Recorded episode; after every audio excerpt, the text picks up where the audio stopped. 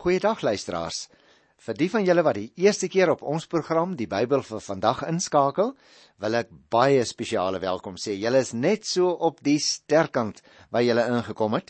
Uh want ons is uh gaan hierso so 'n bietjie na die einde toe van die evangelie volgens Markus. En ons het uh, nou al 'n groot stuk gedoen, maar kom ons begin dadelik met Markus want ons het nog baie boeke in die Bybel wat ons so stukkie vir stukkie wil afbyt. Ek begin by Markus die 15de hoofstuk vers 1. Die môre vroeg het die priesterhoofde saam met die familiehoofde en die skrifgeleerdes dadelik as volle raad 'n vergadering gehou. Hulle het Jesus geboei en hom toe weggebring en aan Pilatus uitgelewer. Nou die vraag is natuurlik luisteraar wat nou onmiddellik opkom, hoekom het die Joodse raad Jesus na Pilatus, die Romeinse goewerneur toe gestuur? Die Jode was naamlik nie by magte om die doodstraf op te lê nie. Daarom moes Jesus deur 'n Romeinse gesagsfiguur ter dood veroordeel word. Die Joodse leiers wou natuurlik hê dat Jesus moes sterwe, sodat hulle ongesteurd kon voortgaan met die godsdienstige lewe in Judea, soos wat dit hulle gepas het. Hulle moes die mense wat aan Jesus se kant was, probeer oortuig dat hy deur God vervloek is en dat hy aan 'n kruishout moet sterwe gaan kyk gerus in Deuteronomium 21 vers 23. So hulle het uit hulle pad gegaan om Jesus so ver as moontlik in onguns by die mense te bring en daarom wil hulle hom graag aan die vloek van die Joodse uh siening blootstel deurdat hy aan 'n vloekhout uh moet sterwe. Nou kom ons lees nou van die tweede vers af hier in Markus by die 15de hoofstuk. Pilatus het vir Jesus gevra: "Is jy die koning van die Jode?" Jesus antwoord hom: "Dit is soos u sê." Die priesterhoofde het hom van baie dinge beskuldig. Pilatus het hom toe verder ondervra. "Verweer jy jou glad nie?" het hy gevra. "Kyk waarvan beskuldig hulle jou alles." Nou die Joodse raad moes nou probeer om nuwe leuns te fabriseer teen Here Jesus uh voordat hulle hom na Pilatus toe kon neem die Romeinse goewerneur as verteenwoordiger van die keiser sou hom eintlik nie steur aan 'n klag van godslastering nie. En daarom het hulle 3 ander klagte teen hom geformuleer. Hulle het gesê eerstens dat hy die mense aangehits het om nie belasting te betaal teen die Romeinse owerheid nie. 'n Tweede vals uh, klag dat hy homself as die koning van die Jode beskou het. En derdens dat hy opstande oral in die land sou aangehits het.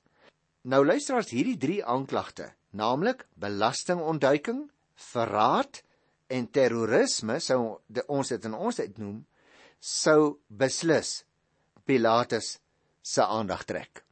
En daarom doen hulle nou hierdie nare goed.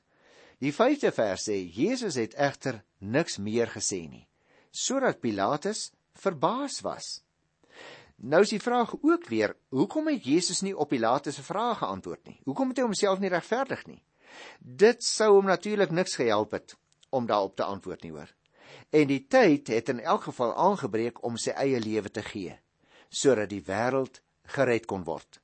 Daar was dus in werklikheid geen goeie rede waarom Jesus die verhoor moes uitrek of homself moes probeer red nie.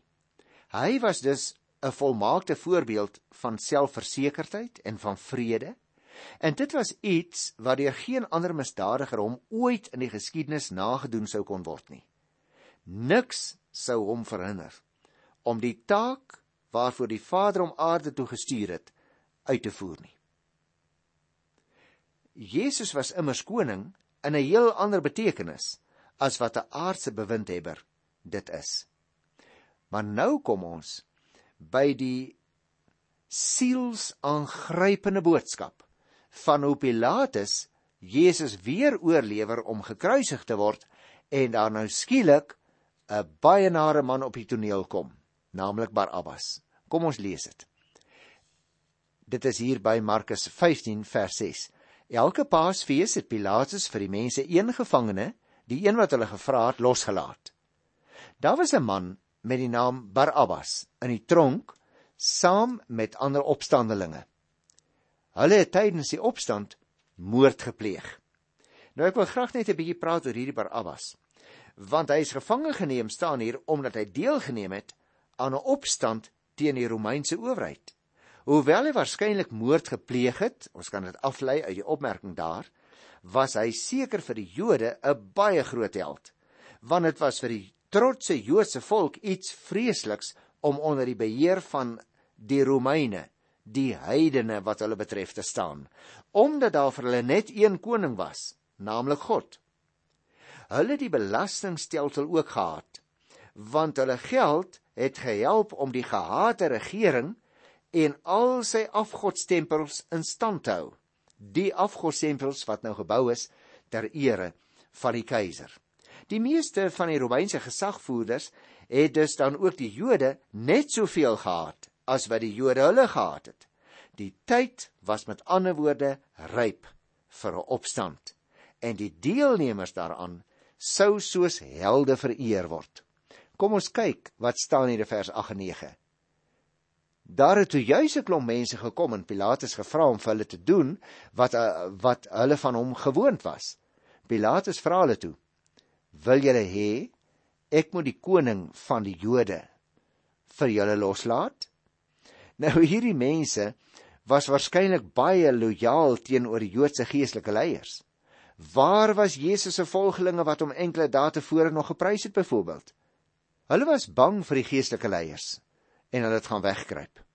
Dit is ook natuurlik moontlik dat daar wel baie van die mense teenwoordig was wat Jesus tydens sy intog in Jerusalem geprys het, maar dat hulle nou almal teen hom gedraai het omdat hulle besef het dat hy nie 'n aardse koning soos wat hulle graag wou hê sou en wou wees nie. Hy sou nie aan al hulle behoeftes beantwoord nie. En daarom die 10de vers. Pilatus het geweet dat die priesterhoofde Jesus uit afguns oorgelewer het. Hulle die mense egter opgesteek om te vra dat hy liewer Barabbas vir hulle moet loslaat. Pilatus het weer vir hulle gevra: "Wat wil julle dan hê moet ek met hom maak wat julle die koning van die Jode noem?" Luisteraars, ons moet weet die Jode het Pilatus met 'n wrewelige haat gehad. Maar hulle het nou weer so 'n bietjie van plan verander vir 'n oomblik, want hulle tog verwag dat hy Jesus vir hulle ter dood moes veroordeel. Met ander woorde, hulle wou selfs die Romeine misbruik in hulle donker planne. Pilatus kon nou duidelik sien dat Jesus onskuldig was. Om watter ander rede sou hierdie mense wat hom so vuriglik gehaat het, hom dan vra om 'n mede-Jood, kan jy dit glo, om 'n mede-Jood op 'n aanklag van verraad skuldig te bevind en te dood uh, te veroordeel. Die Joodse leiers het ook met 'n propagandaveldtog die volk opgesweep en beïnvloed om liewers vir Barabbas as vir Jesus te kies. Vers 13 en 14 sê: "Kruisig hom!" skreeu hulle. "Waarom? Wat se kwaad het hy gedoen?" vra Pilatus hulle. Maar hulle skreeu nog harder: Kruisig hom. Mense wat opstandig teen die Romeinse regering was, is gewoonlik gekruisig. Slegs slawe en ander mense wat nie Romeinse burgers was nie, kon egter gekruisig word. As Jesus dus aan 'n kruis sou sterf, sou hy soos 'n slaaf en 'n rebel sterf en nie soos 'n koning nie. En dit was natuurlik presies wat die Joodse geestelike leiers wou hê en daarom het hulle die skare so opgesweep. Hulle het ook geweet dat 'n kruisdood die indruk sou wek dat die Romeine vir Jesus se dood verantwoordelik was en dus sou die volk nie agterna 'n vinger na die Joodse geestelike leiers kon wys nie. Maar luister na vers 15. Omdat Pilatus die mense hulle sin wou gee, het hy Barabbas toe vir hulle losgelaat en Jesus laat gesel en hom oorgelewer om gekruisig te word. Judea moet jy onthou was die gebied onder Pilatus se beheer. En dit was nie veel meer eintlik maar as net 'n uithoekie in hierdie groot magtige Romeinse ryk nie. Dit was baie ver van Rome af. En daarom het Pilatus slegs oor 'n klein leertjie beskik. Sy belangrikste taak was om net te alle koste, so ver dit binne sy vermoë is, die vrede te bewaar.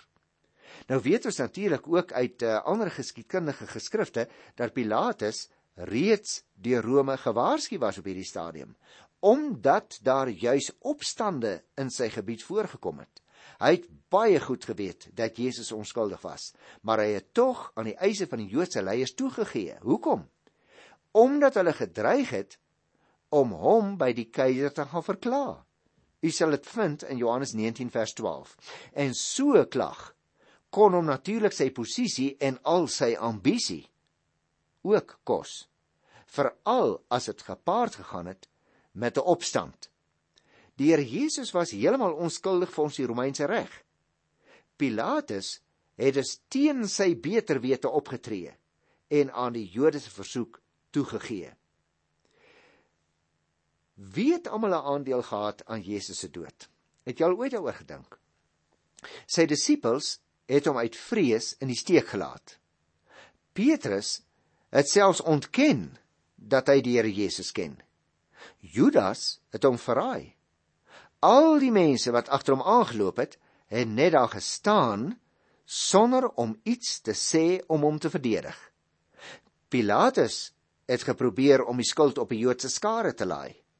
Die Joodse geestelike leiers het oortyd gewerk as dit ware om te verseker dat Jesus tog net doodgemaak word. Die Romeinse soldate het hom gemartel. Om iemand te gesel tussen hakies het beteken om hom met 'n kats te slaan wat bestaan het uit 'n bondel smal riempies met stukkies yster of been aan die punte daarvan. Met ander woorde, as hulle so ou gegeesel het, het dit stukkies vleis uit daardie persoon se liggaam uitgeruk. Luisteraars, eh, dit is nou die laaste keer wat ons hier van Pilatus lees in die evangelie volgens Markus.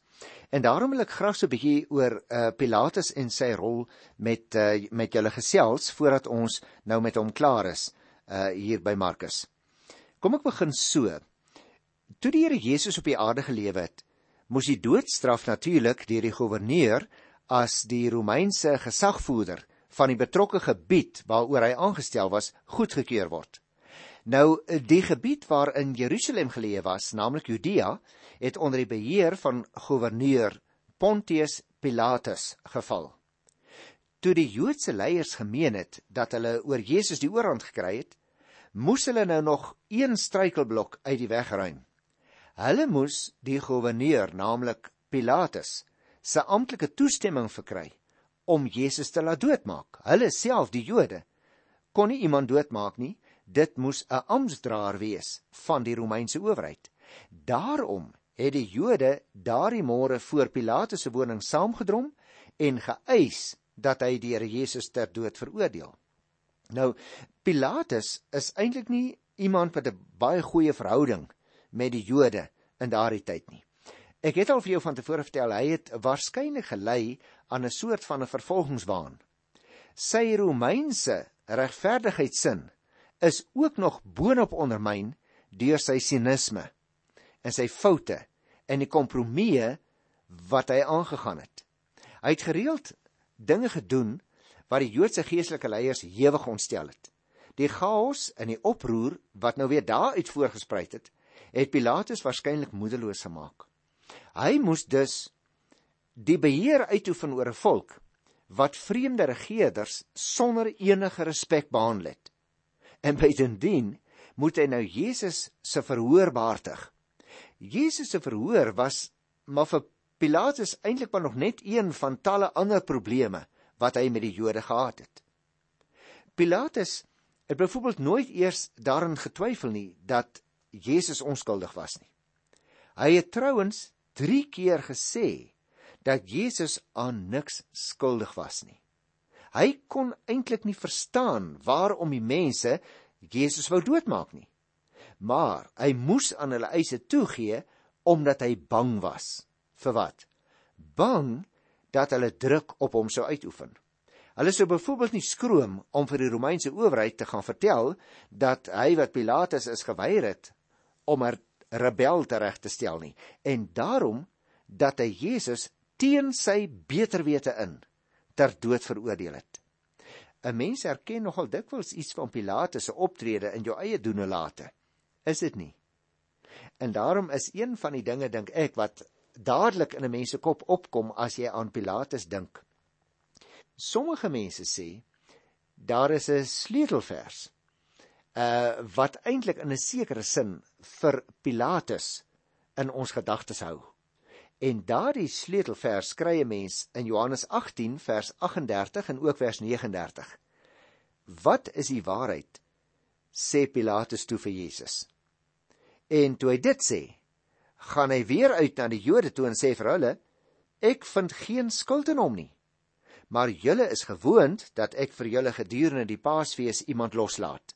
Wil julle hê ek moet die koning van die Jode vir julle loslaat? Met ander woorde luisteraars, die verhaal van Pilatus, as jy dit reg en goed wil verstaan, moet 'n mens eintlik al vier die evangelies 'n bietjie bymekaar sit en kyk wat hulle sê, want Markus vertel ons byvoorbeeld niks hiervan nie. Jy kan ook gerus gaan kyk so 'n bietjie in Handelinge 3, in Handelinge 4 en 13 en ook uh, in 1 Timoteus 6 vers 13 word daar na Pilatus verwys. Maar goed, kom ons lees nou die bespotting wat die Here Jesus moes ondergaan. Ek lees by Markus 15 vers 16. Die soldate vat toe Jesus in die binnehof van die hoofkwartier in en roep die hele afdeling bymekaar. Toe trek hulle hom 'n persmantel aan, vleg 'n doringkroon, sit dit op sy kop. Daarna het hulle hom begin begroet en gesê: "Ons groet u koning van die Jode." Hulle het hom herhaaldelik met 'n stok oor die kop geslaan en op hom gespoeg en hulle knieë gebuig asof hulle aan hom eer wou bewys. Met ander woorde luisteraars, dit gaan uit en uit daaroor dat hulle die Here Jesus bespot. Die 20ste vers sê: Nadat hulle hom klaar bespot het, het hulle die persmantel uitgetrek en weer sy eie klere vir hom aangetrek. Toe lei hulle hom weg om hom te kruisig. En dit bring ons dan by die volgende perikoop. Jesus word gekruisig. Dit staan hier in Markus by die 15de hoofstuk van die 21ste vers af. Die soldaat het iemand wat daar verbygekom het gekommandeer om Jesus se kruis te dra. Dit was Simon van Sirene wat van buite die stad af gekom het, die pa van Alexander en Rufus. Dis interessant dat 'n mens net in gedagte moet hou dat daar ook Joodse gemeenskappe buitekant Judea was. Simon van Sirene het naamlik uit Noord-Afrika gekom en hy was ook nou vir die Paasfees in Jerusalem. Sy seuns se name word hier genoem, naamlik Alexander en Rufus. Uh ek dink dit word genoem omdat hulle moontlik aan die lesers van die vroeë kerk bekend was. As jy gaan kyk in Romeine 16 by vers 13 kry mense dit weer. Die persoon wat nou gekruisig gaan word, moes gewoonlik self die dwarsbalk van sy kruis dra. Maar as gevolg van die geeseling was die Here Jesus swak. Hy het baie bloed verloor, hy was moeg, hy het waarskynlik min geslaap in die vorige nag. Daarom was dit vir hom baie moeilik om sy eie kruis te dra. En uh, nou lees ons hier van die 22ste vers af. Hulle bring Jesus toe na 'n plek Golgotha wat kobbeenplek beteken. Hulle wou vir hom wyn gee met mirre daarin, maar hy wou dit nie hê nie. Dit is belangrik dat ons sal weet by die heuwel wat soos 'n kobbeen lyk, daar gaan hulle die Here Jesus nou kruisig. Die wyn en die mirremengsel was natuurlik nou pynverdowend, maar die Here Jesus het geweier om dit te gebruik want hy was sy pyn dra by sy volle bewussyn. Ek lees dus weer die 23ste vers. Hulle wou vir hom wyn gee met mirre daarin, maar hy wou dit nie hê nie. Toe kruisig hulle hom en verdeel sy klere onder mekaar deur te loot oor wat elke een moet kry. Is dit nie verskriklik nie? Die soldate het loetjies getrek om te bepaal wie Jesus se klere sou kry. Die Romeinse soldate kon die klere van die gekruisigdes natuurlik op daardie stadium in die geskiedenis vir hulle self vervat het. En daardeur tussen hakies is die profesie van Psalm 22 vers 19 vervul waar mense ook lees dat my klere is onder hulle verdeel. So ek dink by wyse van terugskouing, uh voeg Markus dit nou hier in want hy het die Ou Testament geken en hy wil dus ook op hierdie punt bevestig dat dit wat met die Here Jesus gebeur eintlik maar 'n bevestiging is, 'n vervulling is van 'n Ou Testamentiese profesie. Maar ek wil so 'n bietjie met jou gesels oor vers 25, want hier staan dit was 9 uur die môre toe hulle hom gekruisig het. Kruisiging was natuurlik 'n skandelike en 'n gevreesde straf. Dit weet ons nou al reeds. Die slagoffer is naamlik gedwing om sy kruis wat dan gewoonlik net 'n dwarsbalk gehad het met die langste pad na die plek van die kruisiging te dra. Dit moes dan as 'n waarskuwing vir almal dien. Kruise is in verskillende vorms gemaak en mense is ook op verskillende maniere gekruisig. Jesus is aan sy kruis vasgespijker, hoewel dit dood veroordeel is, soms net met toue aan hulle kruise vasgemaak is. En luisteraars, jy het 'n regop tipe kruis gekry net soos die letter T en uh, dan was daar met ander woorde nie 'n klein stukkie regop balk vertikale balk wat bokant die T uitgesteek het nie. Ehm um, dan het jy 'n X-vormige kruis gekry waar mense se bene uitmekaar vasgebind of gespyker is aan die twee onderste gedeeltes en die hande uh, uitmekaar na die twee boonste balke. Maar dan die derde tipe kruis is die een wat soos 'n T was, maar die regop balk het 'n bietjie uitgesteek bo aan die dwarsbalk. Ons weet natuurlik dat die Here Jesus aan hierdie laasgenoemde tipe kruis vasgespijker is omdat daar 'n bordjie bo aan sy kruis aangebring is, soos die Bybel op ander plekke vir ons vertel. Hoe ook al, die slagoffers het gewoonlik versmoor omdat hulle liggaamsmasse vanweë die liggaamshouding aan die kruis dit al hoe moeiliker gemaak het om asem te haal, veral natuurlik na mate hulle swakker geword het, sodat hulle aan asemnood gesterf het. Dit was dus 'n verskriklike dood.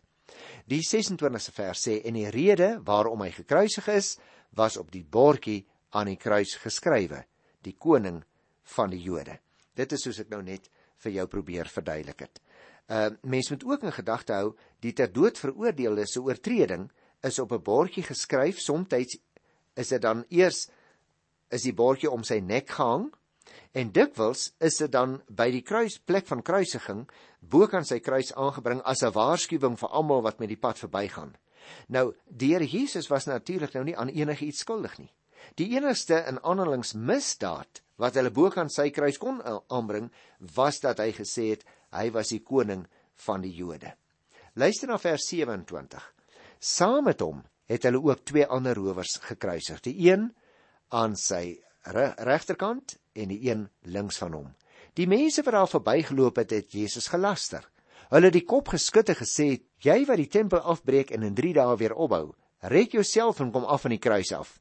Net so het die priesterhoofde en die skrifgeleerdes ook spottend vir mekaar gesê: "Ander het hy gered, homself kan hy nie red nie. Laat die Christus, die koning van Israel nou van die kruis afkom sodat ons dit kan sien en in hom glo. Die twee wat saam met hom gekruisig is, het hom ook beledig. Nou, dit is eintlik verskriklike woorde wat ons hierso met mekaar nou net saam gelees het. Want die lede van die Joodse raad is spottend. Jesus het ander gered, maar hy kan homself nie red nie. Jesus sou homself kon red, maar hy gaan die lydenspad end uit deur om die prys vir sonde volkome te vereffen. Ek dink ek wil nog net 'n enkele opmerking maak. Toe Jakobus en Johannes vir Jesus gevra het om vir hulle in sy koninkryk die ereplek aan sy linker en aan sy regterhand te gee, het hy gesê dat hulle nie weet wat hulle vra nie. Jy onthou dit nog daar uit Hoofstuk 10 van die 35ste vers af. Nou dat Jesus op die punt was om sy koninkryk deur sy dood tot stand te bring, word die plekke aan sy regter en aan sy linkerhand ironies genoeg deur twee sterwende misdadigers ingeneem. Luisteraars, is dit nie 'n aangrypende, aangrypende prent wat geteken word nie. Disippels wat aan sy linker en regterhand wou sit. Nou is dit misdadigers wat langs hom gekruisig word. Is dit nie vir ons 'n les nie? Jesus het nie gekom vir jou en my wat ons self wil belangrik hou nie. Hy het gekom sodat sondaars soos jy en ek, daardie twee misdadigers, dat sulke mense gered kan word. Daarom het hy ook vir die een gesê, ek kry die woorde in Lukas 23 vers 43. Vandag sal jy saam met my in die paradys wees. Wat 'n wonderlike wonderlike God. Tot volgende keer groet ek jou in die naam van ons koning. Tot dan. Totsiens.